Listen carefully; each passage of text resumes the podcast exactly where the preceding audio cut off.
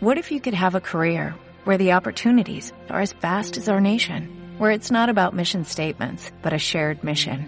At U.S. Customs and Border Protection, we go beyond to protect more than borders from ship to shore, air to ground, cities to local communities. CBP agents and officers are keeping people safe. Join U.S. Customs and Border Protection and go beyond for something far greater than yourself. Learn more at cbp.gov/careers.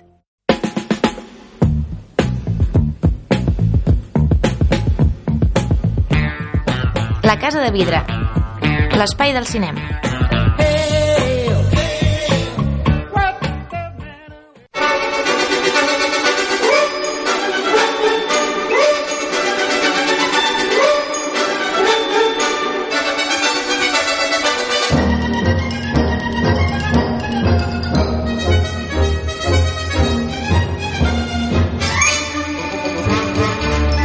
Hola, benvinguts una setmana més a la Casa Vidre, tornem a ser aquí a l'Espai del Cinema, començant el programa amb el compositor que dediquem al mes de març, que és ni més ni menys que el gran Bernard Herrmann, i espero que això ho heu reconegut perquè és una pel·lícula mítica del cinema, que més va ser eh, banda sonora d'una secció de notícies de la Casa de Vidre fa, eh, fa anys ja, Uah. com passa el temps, i que és mitiquíssima, Víctor Esquirol. Què tal, Guillem? Què estava sonant? Estava sonant Ciudadano Kane, sí Bé, senyor. bé. He trigat, he trigat en... A mi saps què passa? Sonaré molt creatiu, tio, però la música aquesta de cinema clàssic se'm solapen totes, tio. Bé. Però sí, sí, sí, òbviament, és Ciudadano Kane. Sí, i tant, i tant. És això, Bernard Herrmann, eh, unes grans cançons musicals que va fer, no? Era per aquesta pel·lícula que bàsicament és el diccionari en el que es fonamenta el cinema, eh? Així em vaig iniciar jo en el cinema, de fet. Sí? Eh, recordo que a, si, a primer o segon de l'ESO vaig dedicar-li una conferència de classe a aquesta Oh. pel·lícula i la vaig analitzar gairebé fotograma per fotograma. És potser el meu Molt bé, inici molt bé, d'amor aquí ja amb el- setè art, sí senyor. Ole, ole. Doncs bé, avui un programa que també té molt a veure amb això, eh? amb records de cinema, perquè recuperem Bé. una secció que vam encetar fa un parell de mesos, Cine Millennial, per tots aquests eh, que es consideren Millennial, eh, perquè deixem-ho clar, Millennials veure, som sisplau. nosaltres, som nosaltres, D'una vegada som la generació Ahà. nascuda entre el 83 i els, al finals dels 90. Per tant, no atribuïu a l'adjectiu millennial a la gent de, de la generació següent, Vale. que em sembla que és la generació Y o la Z. Nosaltres, Ja- som ja la, no sé no, per- nosaltres som la Y, Vale. els d'abans són la X. Va, Que els X són els de Reality Bites, per exemple. Sí senyors, joventut. Ethan Hawke, Ben. Stiller i demás, sí senyor. Nosaltres no ens traieu a, a, a, a, a això que ens pertoca, que és reclamar el cine millennial i la generació millennial. Amén. Parlarem d'una pel·lícula que és Quin enganyó Roger Rabbit, Quintessencialment Brutal. de la nostra, sí, sí, sí. sí. i bé, seguirem fent la zona crítica de Lovin Pablo i un repàs a les estrenes. Vinga, va, agafem els bàrtols i comencem.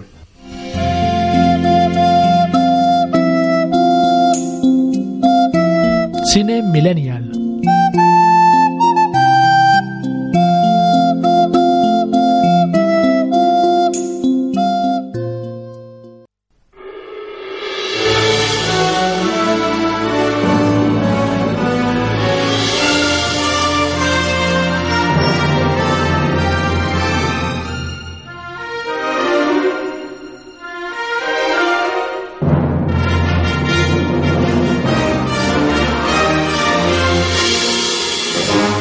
Doncs bé, eh, sí, Millennium també podia, una descripció que vam oferir era aquells que haguéssim eh, tocat eh, Titanic en la flauta eh, a l'escola, que era, per això també la gràcia d'aquesta careta inicial, o, Gràcies per recordar-vos, sí o una altra definició que a mi m'agrada és qui així vist el, qui el seu primer nu femení en pantalla fos el de Kate Winslet a, A Titanic, sí, senyor. per exemple, que això també va trencar moltes, molts, bueno, moltes barreres puber adolescents, no? Ja, ja que estem del tema... Preadolescents.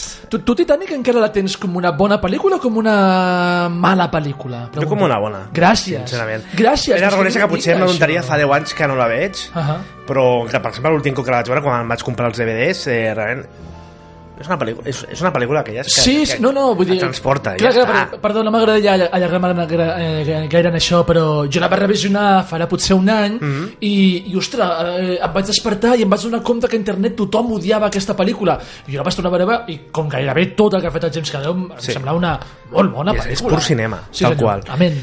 Uh, bé, quin enganyó Roger Rabbit any 90, ai, 88 eh, Mhm. Robert Zemeckis a més sortint de l'èxit de la primera Res al Futuro amb Bob Hoskins, Christopher Lloyd i els, els Dibus Sí, senyor. de Dibu Hollywood Eh, et sembla si fiquem primer el VHS i escoltem el trailer original? és això, sí. tio, és sinfonia.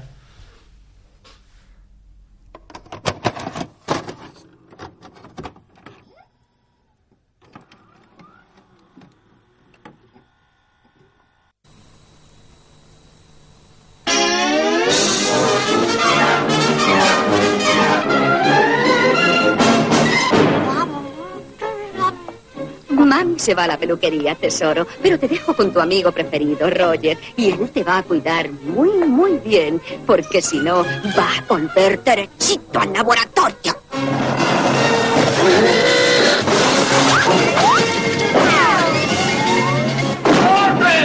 ¡Corten, corten, corten! ¿Qué demonios ha pasado con esta toma? No es culpa tuya, Baby Herman. Tú has estado perfecto, has estado más que perfecto. Es Roger que se un lío con su papel. Roger, ¿te casas? ¿Un pajarito? Un pajarito. Roger, léete el guion. Mira lo que dice. Dice, le cae encima la nevera. El conejo ve las estrellas. No pájaros, estrellas.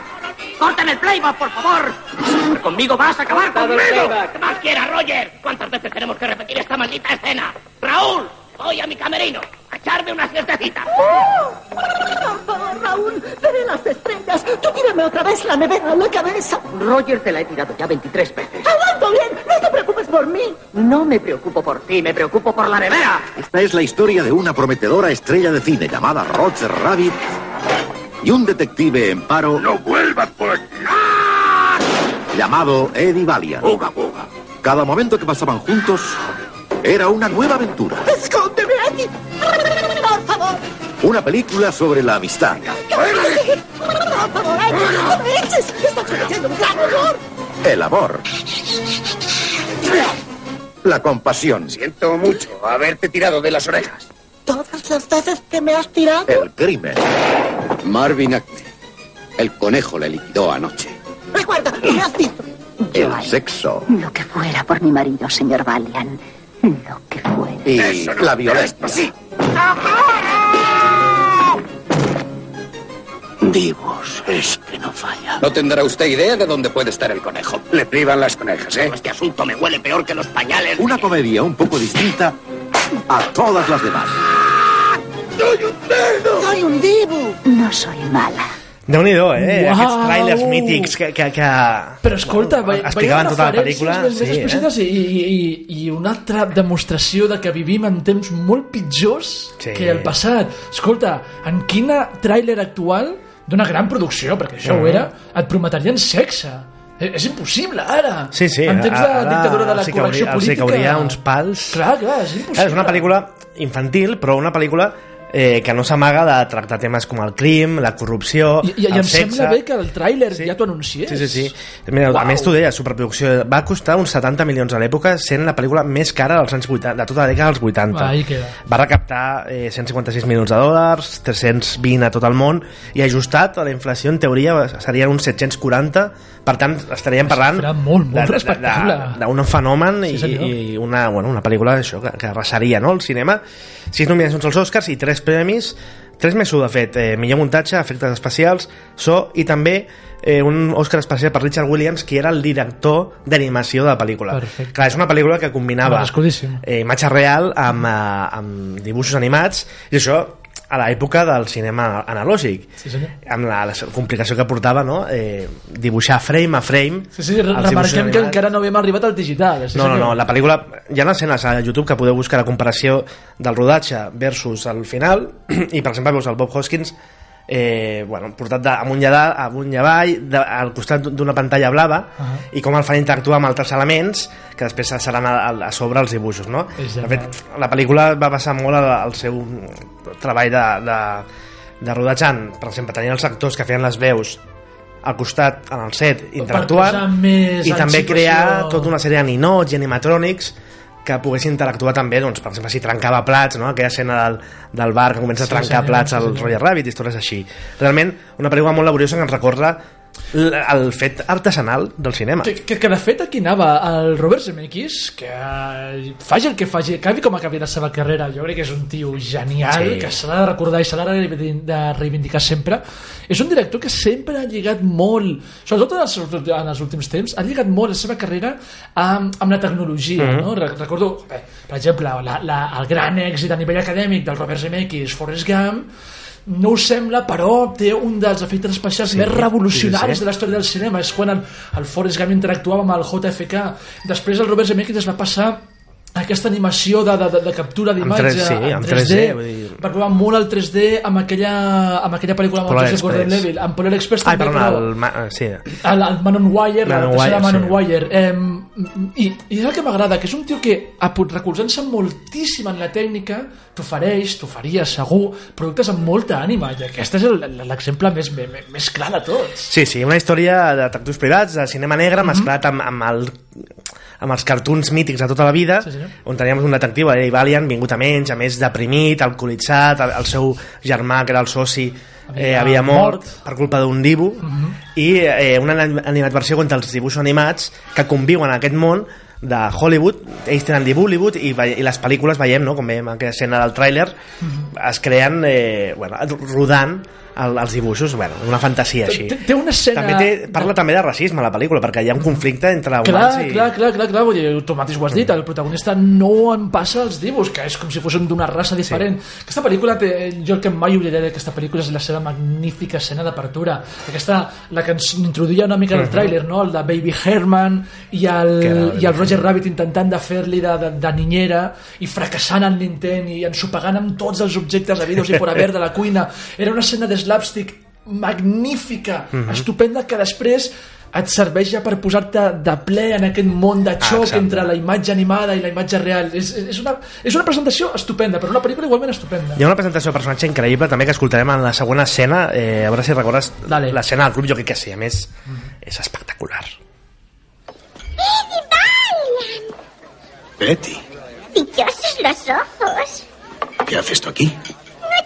Mucho trabajo desde que los dibujos son incolor, pero todavía pito. Sí, todavía pitas.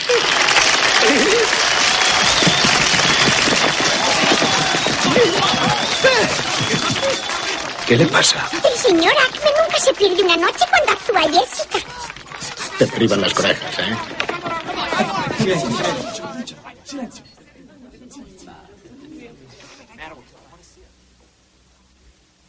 You plenty money, 1922. You let all the women make a fool of you.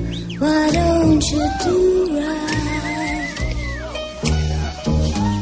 Like some other man do.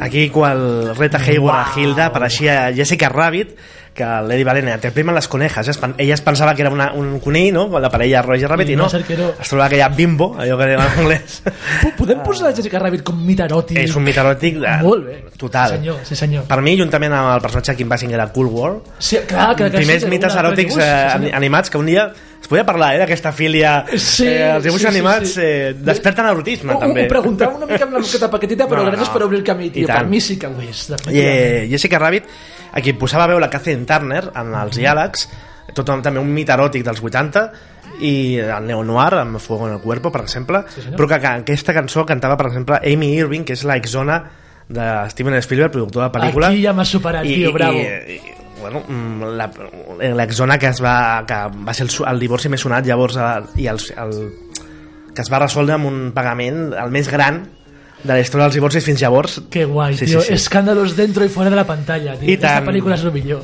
Aquesta escena, per exemple, començava amb un duel de pianos amb el Pato Lucas i el Pato Donald. Clar, vull dir que això t'anava a preguntar, tu sempre mm. segur, tio, com, es va resoldre el tema de drets? Perquè també hi ha una escena de caiguda lliure el- de Lady Baldwin sí. en, en què surt el Bugs Bunny i el Mickey Mouse compartint literalment quadre, que escolta... Aquí, Aquí, va- aquí volia anar... Eh, clar, el repte de la pel·lícula era no només crear nous personatges d'animació, sinó Mhm. reunir i retre homenatge a grans clàssics de l'animació de tota la vida, no? Sí, senyor. Sobretot a Tex Avery i tota la, la, la Fred, filmografia de, Teresa de sí, Warner, sí, sí, diguéssim, sí, sí, sí. i uh, Disney, diré. I, bueno, la pel·lícula era de Disney, Touchstone, però van arribar a un acord amb els drets i l'única condició que van arribar Warner i Disney és que, ok, els, uh, cedim els personatges, però sempre han d'aparèixer junts o, uh, uh, si no, compartir, uh, tenir el mateix temps de metratge.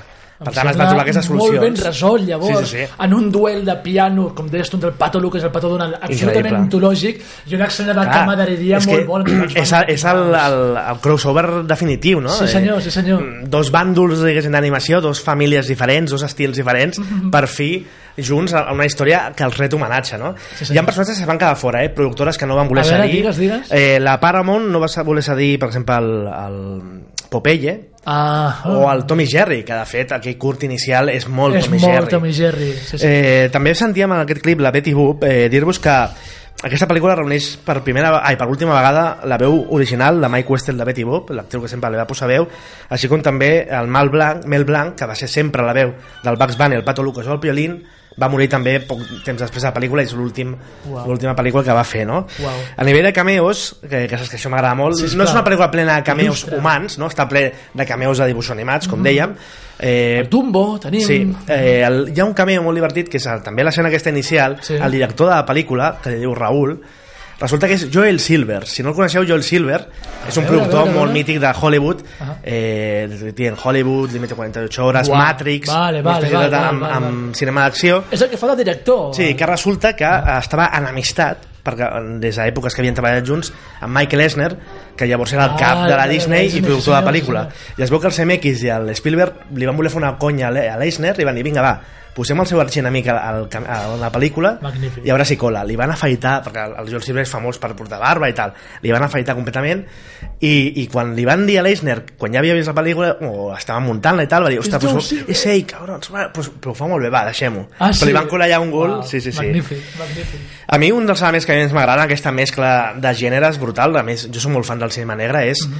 uh, la trama de la pel·lícula, com aquesta conspiració, no? on Roger Rabbit l'acusen d'haver matat a, a un cap d'estudi i tal, vas descobrint que hi ha una conspiració per acabar amb el sistema de transport públic a Los Angeles, amb una frase mítica de l'Ei Valient amb uns nens dient Los Ángeles tiene el mejor transporte público del mundo Quan, quan, estan és corronejant del tramvia sí, aquell, sí. quan precisament Los Angeles és famosa per tindre un transport públic nefast no? Sí, sí, i deficient. dependre de l'automòbil resulta que això va passar de veritat és una conspiració real que va passar als, als anys 40-50 on les companyies d'automòbils van fer molta pressió per eliminar les línies de tramvia de Los Angeles i potenciar l'ús Per- aquí també hi ha una reflexió important Utilitzar el cinema de gènere, els cartoons, Mm. per parlar-te de coses reals. A mi aquesta, tota aquesta trama conspiranoica, ja tirant d'altres eh, reflex- eh, d'altres referents cinèfils, em recordava potser una mica Chinatown, Sí, de fet, no? la trama aquesta del transport eh, es- era el, el guió a tercera part de Chinatown, que mai es va fer. Va, doncs mira, sense voler he fotut el triple. És que, i, bueno, i, bé, I ara que ho dius està molt bé perquè Jack Nicholson era una de les opcions per fer Eddie Valiant. Ah, sí? Tenien diverses opcions més típiques no? del detectiu Harrison Ford, Robert Redford, Jack Nicholson, Ed Uau, Harris uau. o també altres opcions com Eddie Murphy o Bill Murray, que de fet es veu que Bill Murray públicament els productors i els MX van fer una entrevista i diuen ens agradaria Bill Murray però eh, diu que el Bill Murray es va enterar molt més tard és, és un actor molt diferent no té cap representant És una cosa, aquestes coses estranyes que li passen a Sí, Bill Murray. i diu que quan es va enterar eh, es, es van paradir moltíssim Mira que però que potser es va enterar 5 anys més tard Mira que has dit actorassos, eh? Ed Sí. Harris també de comprar perquè és un dels meus preferits, però, però cap, cap d'ells me'ls veia, me'l veia tant com, com em veia Bob Hoskins, no? Efectivament, Mm. però escolta, m'has dit Bill Murray i dit, ostres, aquest potser sí que estava fet a mesura. i tu recordes bé el dolent, no, la pel·lícula? Sí, senyor, era molt impactant, el Christopher Lloyd Sí, i, i feia bastanta por, jo Sí. vaig pillar de petit si us fixeu en, en totes les escenes no parpadeixa mai El juez, sí, sí, els ulls aquells Sí, sí, sí. saltones, eh? era un dibu reconvertit amb un pla secret el primer actor que van mig agafar i va fer una, una, una, una, una prova brutal era el Tim Curry però si van veure que feia molta por Uau. i van dir, és massa malvat És que Tim Curry ja sense Ja, maquillatge sí. ni, ni, ni afegits és un tio bastant sinistre. Què més? Eh, així... Ah, bueno, clar, està basada en un llibre. Això no, no ho sabíeu. No ho sabia. Who, Sons- Who Censored Roger Rabbit? Qui va censurar el Roger Rabbit del 81? Però que les diferències són bastantes, la trama es desvia bastant, de fet el Roger mor, però el, Uau. allà els, els dibuixos són dibuixos de còmic strip, dibuixos de, de les vinyetes, dels diaris, dels anys 30, 40 i en comptes d'aparèixer doncs, Mickey Mouse apareix Dick Tracy per exemple no? Va, va, però, però també hi havia aquesta interacció sí, entre és una i- interacció liter literària no? Clar, perquè clar, òbviament. eh, és això, dintre del món de les pàgines dels diaris i a més, doncs, sí, eh, i en definitiva és una pel·lícula que bueno, a mi em va marcar moltíssim A mi em va marcar el moltíssim, que també. se'l vaig cremar moltíssim sí, treia fum, literalment. Eh, quin que record per, això. per concloure Eh, a, a, a, part de, a part de l'escena aquella fantàstica d'apertura també la que estem sentint ara mateix de fons quan a maca. Varian entra a Bollywood no? Eh. I, i entra en aquest, que, que ell li té pànic però veus un món fantàstic de llum de, de, de, de, de, de, de sobre el cançons. mur no? I, sí senyor, sí senyor. els mons I també aquestes escenes fosques, eh, hi ha mort en aquesta pel·lícula, mm. no només el que comentaves tu, la referència al, al germà mort de Lady Valiant, sinó quan aquella pobra sapatilla de, de, animada. És cau, bueno, la, la tiren en aquell barril que dissol literalment els dibuixos i la veus morir, ostres, això molt fort. part del teu Arde, del nen exacte, ni Arde Mississippi però part del nen que portes dins Sí. mor amb aquella, sapatilla, amb Sí. aquella sapatilla és terrible. Genial conclusió però fem una conclusió millor per tancar i anar a la Sisplau. que seria acomiadar-nos con cal és, esto es todo, Esto esto, es es todo, todo, amigos, amigos.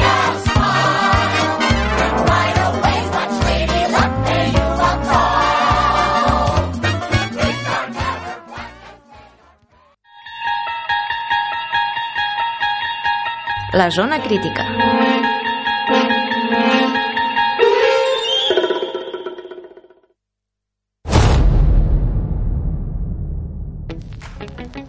Watch where you step. People dump bodies out here sometimes. We are building houses for the poor. We are now finishing the first 600, but we're going to build 2,000. And where does the money come from?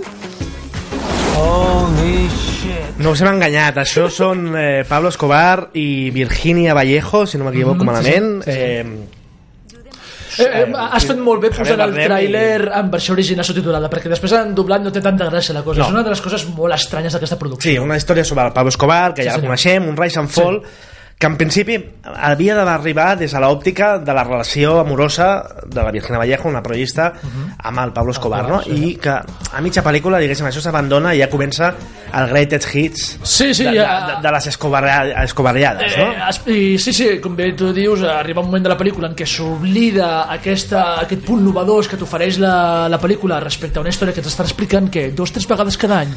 Clar, Quantes produccions eh, s'han fet de Pablo A tu en Escobar? general la pel·lícula que t'ha semblat? Perquè mm, Ah, també ens hem de col·locar... La nostra situació era que veníem d'un de molt males referències d'aquesta pel·lícula en festivals. Sí, senyor, jo, jo, jo la vaig veure a Venècia. de Tendeixen a ser bastant... A veure, a veure, digues, digues, no et tallis. bastant abusives. Bastant abusives. Jo, a mi, a mi I no després, quan la reps post eh, aquest hype negatiu, clar que dius, eh, no és tan dolenta. Jo admeto que a mi em va passar. Ah. Tot i així, mm, ja avanço la meva nota, és un 5 i mig. No, jo, no ens passem. Jo, vaja, jo del 4 no, no, no penso pujar. Aquí Realment la trobes eh. detestable, no? La trobo detestable, inclús eh, una mica racista, en el sentit que eh, parlem de la política lingüística d'aquesta pel·lícula. A mi és el que més em treu de la pel·lícula. A mi, escolta, És un gran debat. utilitzin... La, vale, entenc les necessitats comercials del producte, d'internacionalitzar-lo, d'arribar més a, a, produc- a, a mercats internacionals. Però escolta, que Pablo Escobar i els seus alegados i, i els seus amors parlen en anglès, en aquest anglès hiperlatinitzat, que el castellà només s'utilitzi per, És absurd. per, per dir insults i per dir coses hiperbarrueres...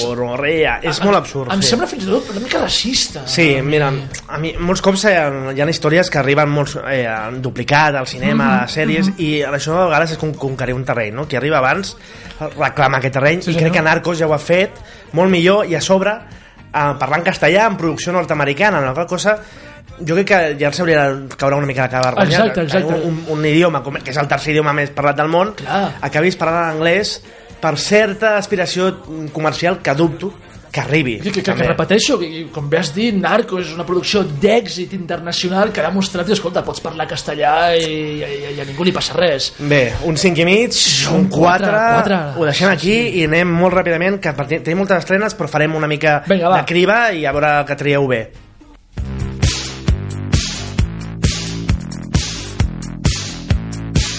Les estrenes de la setmana.